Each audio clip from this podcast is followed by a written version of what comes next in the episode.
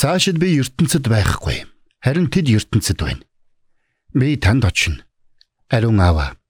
Надад өгсөн нэрээрээ тэднийг хамгаалж бидэн лугай адил тэднийг нэг байлгаач. Йохан 17-гийн 11.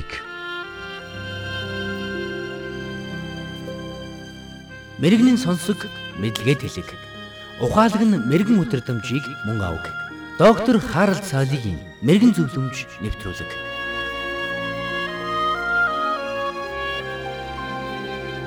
Нэгэн нэр нь үл мэдэгдэх зохиолчийн зохиосон түүхийг би танд ярьж өгье.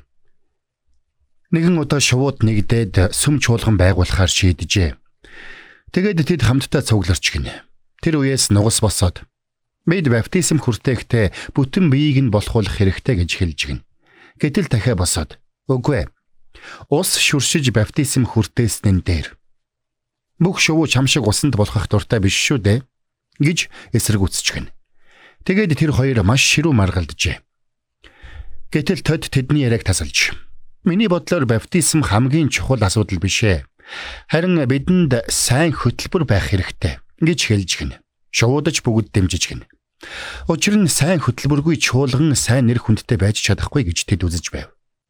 Гэтэл алтан гургалтай босоод найралдуу яах вэ? Бидэнд сайн найралдуу хэрэгтэй шүү дээ гэж гин. Шуудаж санал нийлж гэтэл хөөндөө босоод Найрал дуу яах вэ? Сайн төгөлдөр хуур хэрэгтэй шүү гэж гин. Гэтэл хараацай босоод хөгжим дууны аль альнаас илүү нөхөрлөх цаг чухал гэдгийг сануулж гин. Гэтэл галуу босоод бидэнд залуусыг өөртөө татаж чадах сайн номлогч хэрэгтэй. Бид залуусыг сайн татаж чадахгүй бол хол явж чадахгүй гэж хэлж гин. Гэтэл тоншуул босоод номлогч яах вэ? Төсөв санхүү хамгийн чухал шүү. Тиймээс бүгд 11-гээ өргөдөг байх нь чухал гэж хэлж гин. Гэтэл эцэст нь шар шувуу босоод өд сөдөөс эксэрчээ. Бүгд түүний үгийг анхааралтай сонсохоор дууга намсгаж гин. Учир нь түүнийг хамгийн мэрэгэн ухаантай шувуу гэдгийг бүгд мэддэг байлаа.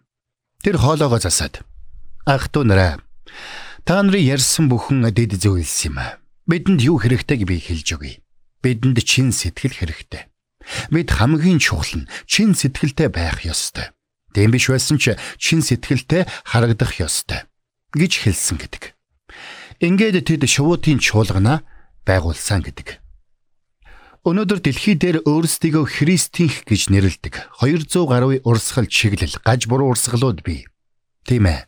200 гаруй бүлэг хүмүүс Христ итгэлийн аль нэг зүйлийг хамгийн чухал хэмээн бусдаас нь онцгойлж, үгээрээ бусдаас ялгархыг оролддог байна. Тэдний зарим нь нугас шиг баптизм хүртээхдээ бүхэл биеэр нь усанд болохуулах ёстой гэж үздэг бол зарим нь дахиад шиг ус шүрших нь хамгийн тохиромжтой гэж үздэг. Зарим нь алтан ургалдаа шиг сүмд сайн хөгжим хэрэгтэй гэж үзэж байхад зарим нь хараа цай шиг хөгжим чухал бишээ нөхөрлөл чухал гэж үзэж байх жишээтэй. Харин зарим нь галуу шиг номлолыг чухалчилж байхад зарим нь тоншуул шиг өрөглийг чухалчилдаг. Магадгүй та чуулган бүхэлдээ тодорхой хэсэг бүлэг хүмүүст л зориулагдсан зүйл гэж бодож байж болох юм. Магадгүй та шашин миний оролдох зүйл биш гэж бодож байж болох юм. Надад хийх ажил их байна. Надад ийм зүйлд зориулах цаг зав байхгүй гэж та бодож байж болох юм. Хэрвээ та ийм бодолтой байдаг бол би танд ийм бодолтой байсан нэгэн хүний түүхийг ярьж өгье. Тэр хүнийг Петр гэдэг байжээ. Тэр ихэнхдээ ажиллаа хийж өдрийг өнгөрөөдөг байсан. Тэр дүүтэйгээ хамт гэр бүлийн бизнес эрхэлдэг байсан болохоор түүнд шашин шүтлэгт гаргах цаг зав байгаагүй. Тэр хаа нэгтэйхэн сүмд очдог байсан ч түргэн зантай учраас номлогчийн ярьж байгаа зүйл түүнд тэр бүр таалагддаг байлаа. Гэтэл нэгэн өдөр тэр амьдралыг нь бүхлээр нь өөрчилсөн нэгэнтэй уулзсан байна. Тэр хүн бол Есүс Христ байсан. Есүс Христийн ямар нэгэн зүйл Петрийг маш их татсан. Есүс өөрт нь намайг даг гэж хэлэх үед тэр үгийн цаана нэг л онцгой зүйл байгааг тэр мэдэрсэн. Энэ бол зүгээр нэг шашин шүтлэг биш. Харин Есүс Христ бол Бурхан гэдгийг тэр мэдэрсэн. Есүс Христ бол хүмүүний зүрхэнд юу хэрэгтэй байгааг хамгийн сайн мэддэг нэгэн гэдгийг тэр ойлгосон юм. Эзэн Есүс нэгэнтэй зүдэж зүтгэгсэд хийгээд хүнд ачаа үүрсэн бүгдээ над дээр ир. Матай 11:28 гэж хэлсэн байдаг. Есүс бидэнд сүмд нэгд эсвэл хамгийн сайнараа бай. Эсвэл чин сэтгэлтэй бай гэж хэлээгүй. Зүгээр л над дээр ир гэсэн.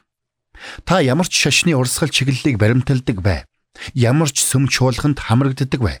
Танд Есүс хэрэгтэй. Тиймээс Есүсийг амьдралдаа ураарай. Библиэд болж аваад Иохан номоос эхлээд уншиж эхлээрэй. Тэр цагт сүм чуулгануудыг ойлгох ойлголтын гол түлхүүр нь Есүс Христтэй харилцах харилцаа болохыг ухаарах болно.